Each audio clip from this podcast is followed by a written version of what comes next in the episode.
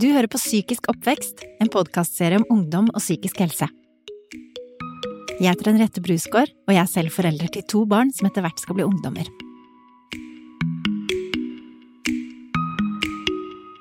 For tung, for tynn, for lav, for stor, for mange former, for lite muskler. Tanker om kropp og hvordan vi ser ut, er nok gjenkjennelig for de aller fleste, men for unge som er i en sårbar fase, kan disse negative tankene om kropp bli altoppslukende og skape et lavt selvbilde og dårligere livskvalitet. Hva skal vi foreldre gjøre for å hjelpe de unge til å takle kroppspresset de møter, og hvordan kan unge få et bedre forhold til egen kropp? Jeg kan kjenne veldig ofte på det at jeg ikke ser noe bra ut, sånn kroppen min ikke ser noe bra ut, og sånn for eksempel, bare sånne rare ting, for eksempel sånn at låra mine er sammen når jeg går. Um, jeg føler jeg har for tjukke fingre, for jeg må bruke ringer som er litt større enn andre. Um, jeg føler liksom at det blir veldig feil, og det er ikke sånn på klesstørrelse. Det er ikke det det går på, men det går med på det at jeg bare føler på den der at man vil så gjerne passe inn. Kaja er 17 år gammel og går på Fyrstikkalleen skole i Oslo. Hun vil så gjerne bare passe inn, være som alle de andre. Da kommer kroppspresset og de selvkritiske tankene lett jeg er litt høyere enn de andre jentene i klassen. Og da føler jeg liksom at det er feil. Det blir så mye som press og liksom forventninger til hvordan man skal se ut, og at alle skal se ut på en viss måte, og at man også blir plassert liksom inn i båser. Og så føler man seg da utafor hvis man ikke passer inn i noen av de båsene. Og da, det føler jeg er en veldig vanskelig situasjon å være i, for man, det er jo sånn ingen liker å føle seg utafor. Og da, da får man det jo bare rett og slett vanskelig inni seg selv, da. Ifølge ungdomsorganisasjonen Press sin rapport fra 2018 er kroppspress noe som oppstår når ytre faktorer som mat, trening, kroppsfasong og størrelse får en altoppslukende effekt i hverdagen og påvirker tankemønster og selvfølelse. Jeg skulle så ønske at jeg kunne få sagt til alle de ungdommene som tror at hvordan de ser ut, er det viktige. At for det første, du er så uendelig mye mer enn det. Og det er så utrolig mye viktigere at du har det bra. Kirsten Holtmann Resaland er spesialist i klinisk barne- og ungdomspsykologi og har jobbet mye med unges psykiske helse. Det er så mye sunnere å se seg selv i speilet for å bli kjent med hvordan man ser ut, enn å se seg selv i speilet for å finne ut hva man skulle ønske var annerledes. Kirsten mener vi har en ung generasjon som løsriver seg litt fra det overfladiske, og fokusere mer på for eksempel klima, fremtid, samfunn og dypere verdier. Men Samtidig så lever de som er unge i dag, i en verden som består mye av sosiale medier. De blir bombardert med eh, kroppsidealer, eh, både fra TV-programmer og fra sosiale medier og fra reklame som er mer påtrengende enn det det var da f.eks. jeg var ung. Og de slipper ikke unna det. Eh, I tillegg så er det mye retusjert og fikset med altså, operasjoner. Eh, som kan gjøre at de tror at eh, noe er oppnåelig eller ideelt eller normalt eller naturlig, som egentlig ikke er det. Ulrikke, Kajas klassevenninne på Fyrstikkalleen skole, er enig i at det de blir eksponert for på sosiale medier, er med på å skape et usunt kroppspress. Og nå har det også blitt mye enklere å endre på utseendet sitt, eh, med operasjoner og hva enn som finnes der ute av behandling. Og at jeg tror at eh, sosiale medier har klart å skape et utrolig umenneskelig og unaturlig bilde. Og vi har funnet denne stereotypien av hvordan en jente, en gutt og alt det imellom skal se ut. Så jeg tror at det har en stor eh, faktor at hvorfor ungdom i dag sliter veldig med seg selv og sitt eget selvbilde, fordi at vi har så utrolig lett tilgang på sosiale medier. Men hvor mye plass har temaet kropp i de unges daglige tanker og samtaler? Jeg føler at det er helt eh, sykt mye fokus på kropp. Som jeg fryktet. Dette er Emma. Hun er 18 år gammel. Det er så mange av vennene mine som eh, kommenterer på kroppen sin, eh, og liksom Det er jo veldig sjelden positive kommentarer. Eh, og man kommenterer liksom ikke så mye på andre sin kropp. Eller sånn hvis, hvis jeg kommenterer noe negativt om min kropp, så blir jo liksom alle vennene mine veldig sånn De prøver jo å gjøre meg positiv, og man liksom Man er jo positiv til andre sine kropper og til hverandre, men man er veldig negativ til seg selv. Jeg har i hvert fall opplevd sånn En av mine venninner måtte jeg på en måte ta en pause fra en stund, fordi hun snakket så mye om mat og kropp og sånn. Eh, og så når man prøver å ta det opp og liksom OK, men er det noe alvorlig som vi burde snakke om, så var det liksom ikke det. Eh, og da blir man litt sånn OK, men hvis du har så stort fokus på det, så blir jo jeg også påvirka. Så man må på en måte ta en liten pause fra det. Ifølge undersøkelsen gjort av Press er nesten halvparten av alle jentene misfornøyd med egen kropp. Emma merker at det er smittsomt å snakke ned sin egen kropp foran andre. Særlig blant mine venner så er det veldig mange som snakker negativt om sin egen kropp, og så er det noen som er sånn 'Å, men hvis du er så tjukk, liksom, hva med meg da?' Fordi personen er større. Og da er de sånn 'Nei, men du er jo kjempefin'. Ok, men hvorfor er ikke du selv fin, da? Psykologspesialist Kirsten påpeker at vi må slutte å snakke om centimeter og kilo. Hvis du for eksempel får vite hvor høye noen er og hva de veier, så kan du ikke vite hvordan de ser ut. Bare sånn som den informasjonen skulle jeg ønske flere ungdom hadde, at de ikke trodde at de kunne vurdere seg selv ut fra tall, og at de, hvis de er bekymret for noe ved egen kropp, snakker med voksne om det, og ikke finner på svarene selv. Og det gjelder også når man er bekymret for egen helse og kanskje tror man er syk, eller sånne ting. At det er, det er en del ting som er litt mer enn det ungdom eh, skal stå i selv, og hvor de svarene de finner på selv, ofte kan bære dem litt galt av sted, da.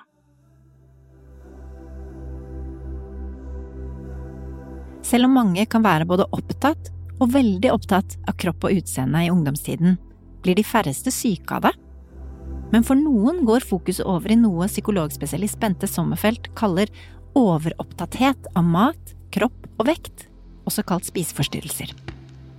Sommerfelt har jobbet med nettopp det ved Villa Sult, Institutt for spiseforstyrrelser, i over 20 år. Det ligger i lidelsen er at du tenker mat og kropp gjerne 24 timer i døgnet. Du kan også drømme om det. Eh, det veldig mange kan si, er jo i etterpåtid, eh, når man har kommet seg kanskje litt ut av det. Når var det på en måte du var opptatt av det, til at når ble du overopptatt av det? Da kan mange ha en beskrivelse at liksom, det var fra at jeg opplevde å styre dette med mat, eksempel, dette med trening. Jeg hadde et fokus, og jeg klarte det. Det ga meg mestring, det ga meg kontroll. Jeg fikk til noe.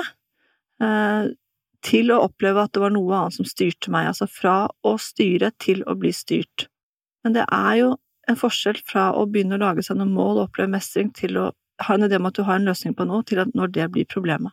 Og det er ofte det som skjer når du går fra å styre til å bli styrt. Det er noe annet som uh, gjør at du opplever at du ikke kan styre dette lenger. Du må bare. Den tvangsbiten ofte, da.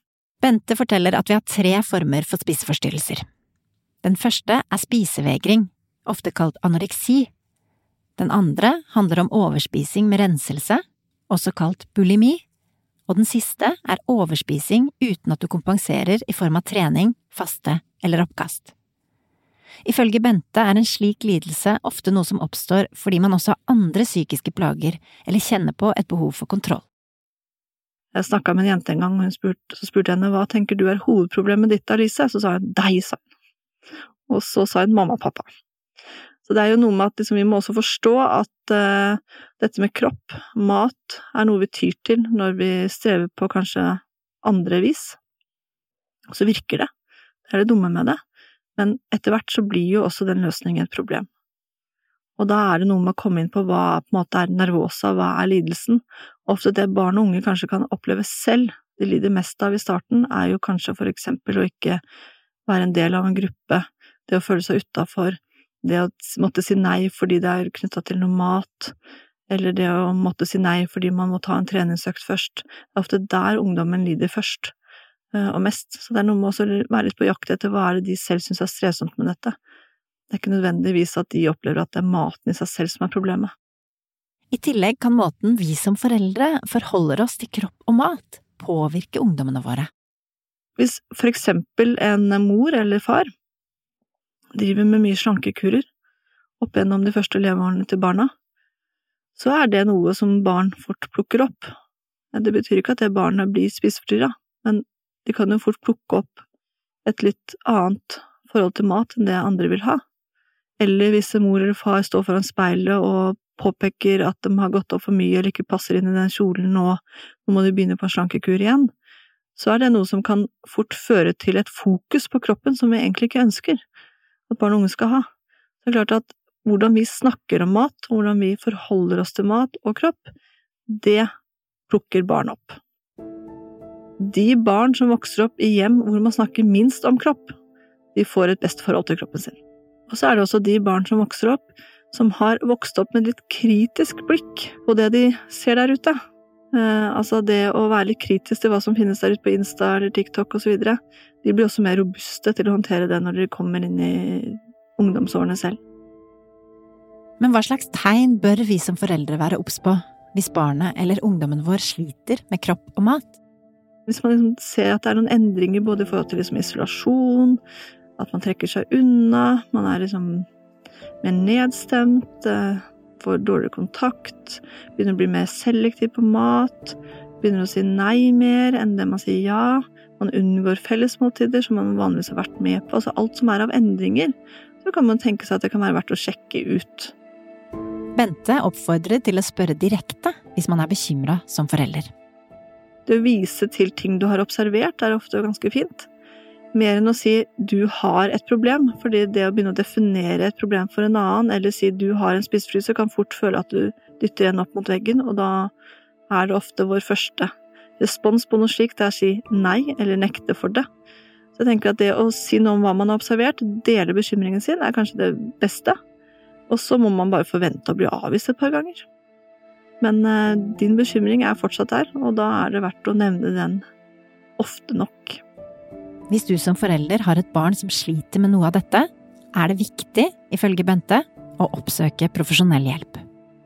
Vi har gratistjenester i Villa Sult eksempel, hvor også foreldre kan selv ta kontakt, enten digitalt eller fysisk, og få litt råd og hjelp og veiledning til hva kan man gjøre. Bør jeg være bekymret? Er jeg for bekymret? Så det å ha lave terskler for selv å oppsøke litt råd og veiledning, det tenker jeg kanskje er viktig skritt. I undersøkelsen fra Press, som jeg nevnte tidligere, svarer totalt to av tre jenter at de vil endre på noe ved sitt eget utseende, mens bare halvparten av guttene sier det samme. Blant ungdommene på Elvebakken i Oslo er inntrykket at guttene har et mer positivt syn på kropp enn det jentene har.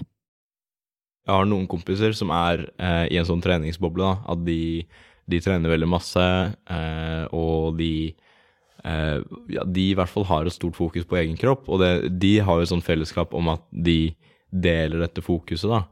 Og det, det fokuset er stort sett ganske positivt, egentlig. Eh, altså ikke positivt at de har et så sterkt fokus, men det selve fokuset de har, er jo positivt. Sånn kommentarer som 'bro, du er så tett', altså du, altså, du skjønner jo greia generelt hos jenter så er fokuset sånn, sånn at man prøver å jobbe seg mot et ideal man enten har blitt fora av, enten fra internett eller fra andre, eller seg selv, da. Eh, mens gutter ikke nødvendigvis jobber mot et ideal nødvendigvis, men heller bare hvordan ja, det, er så vanskelig å formulere, fordi man, vi blir også påvirket. Vi ser jo sånne influensere med svære Altså store muskler og null i fettprosent, liksom. Um, men uh, ja, generelt så bare tror jeg altså fokuset er mye mer positivt blant gutter enn hos jenter. Men kroppspresset finnes selvfølgelig også hos guttene. Når jeg begynte å trene, så var jeg veldig opptatt av eh, på en måte, Det starta med at jeg skulle på en måte finne ut ok, eh, hvordan er det man gjør disse øvelsene. Hvordan skal på en måte formen være. Eh, og så har det utviklet seg til at nesten hele TikTok-feeden min handler om trening. Eh, og så har jeg jo forstått at uh, tydeligvis så er det sånn at til og med folk som er som hulken, fortsatt er liksom ikke helt fornøyd med kroppen sin og tenker at jeg må bli enda større, jeg må bli enda sterkere, jeg må bli enda bedre. Og da blir jeg litt sånn Jeg føler ikke at jeg er der. Jeg føler at jeg kan bli fornøyd på et punkt, men jeg kjenner også at jeg er veldig redd for å havne i den onde sirkelen det er, da. Hva kan vi foreldre gjøre for å hjelpe ungdommene til å bli mer avslappet med egen kropp og utseende? Psykologspesialist Kirsten forteller at vi foreldre står i en litt vanskelig situasjon her, fordi unge er i en alder hvor de ikke alltid har så lyst til å høre på oss. det at foreldre sier 'du er bra nok akkurat som du er', det er ikke det en 15-åring bare 'Å ja, mamma syns jeg er fin'. Da så!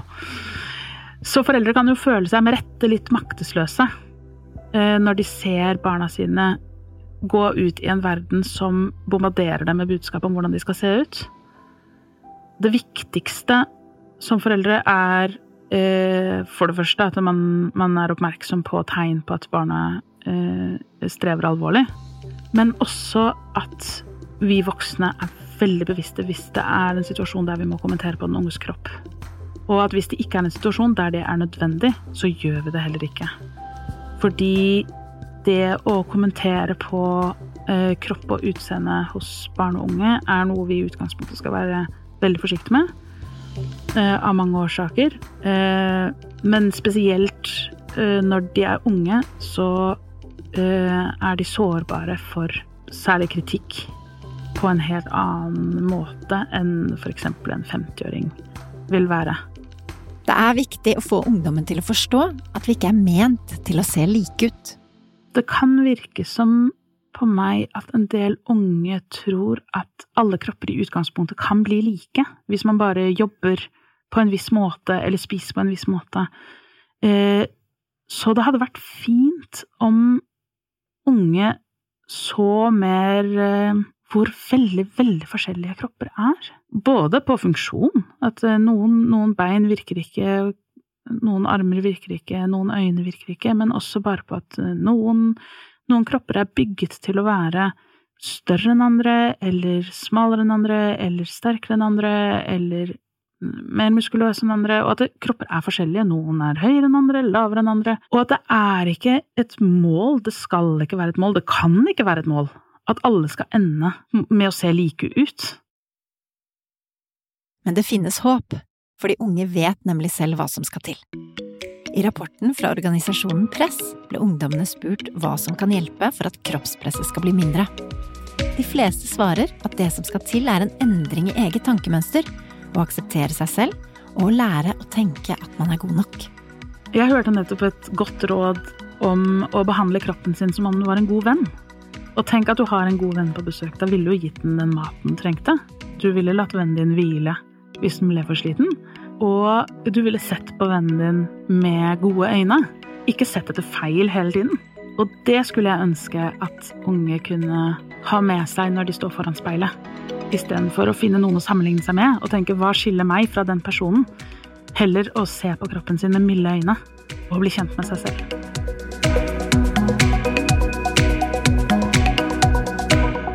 Denne podkasten er produsert av Vrang Produksjon for Rådet for psykisk helse, med støtte fra Stiftelsen DAM.